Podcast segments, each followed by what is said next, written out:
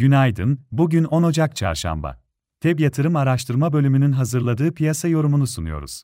Yurt dışı borsalarda dün zayıf kapanışlar yaşandı.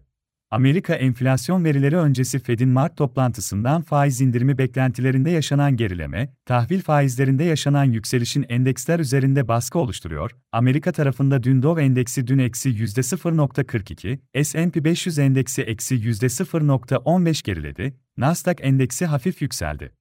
Bu sabaha bakıldığında yurt dışı borsalarda karışık seyir görüyoruz. Asya borsaları Çin dışında genelde yukarıda açıldı. Japonya'da Aralık ayında enflasyonda yavaşlamaya işaret eden verilerin bir OCE üzerinde ultra gevşek para politikasının sonlandırma baskılarını azaltması sonrası yakalanan momentum ile Nikkei endeksi son 34 yılın en yüksek seviyelerine yükseldi. Çin Merkez Bankası'nın ekonomiye yeni destek sağlamak için bankaların zorunlu karşılıklarını indirmesi bekleniyor. Amerika endeksleri vadeli tarafta güne başlarken hafif aşağıda, Avrupa borsalarının bugün de güne zayıf başlaması bekleniyor. Global piyasalar için Amerika'da yarın açıklanacak tüketici fiyatları enflasyonu önemli olacak, Cuma üfe bulunuyor. Ayrıca Amerika'da bilanço sezonu başlıyor, Cuma günü Amerika'nın önemli finansal kuruluşlarının sonuçları gelecek. Amerika enflasyon verileri öncesinde dolar endeksi ve Amerika tahvil faizleri yükseliş eğiliminde, ons altın üzerinde son iki haftadır satışlar etkili.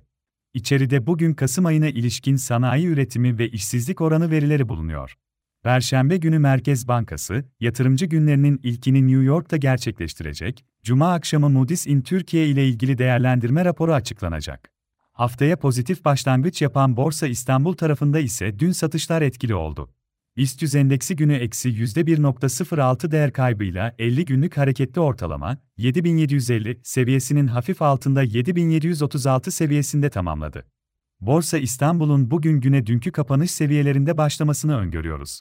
Kısa vadeli göstergeler dikkate alındığında, gün içinde endeksin olumlu tarafta dönmesi beklenebilir.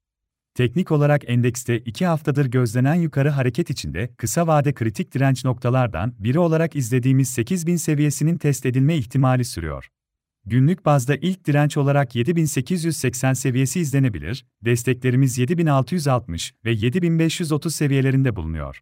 Hisse tarafında ise teknik olarak aksigortada orta vadeli göstergelerde toparlanma sürüyor, kısa vade için yukarı momentumun korunması beklenebilir.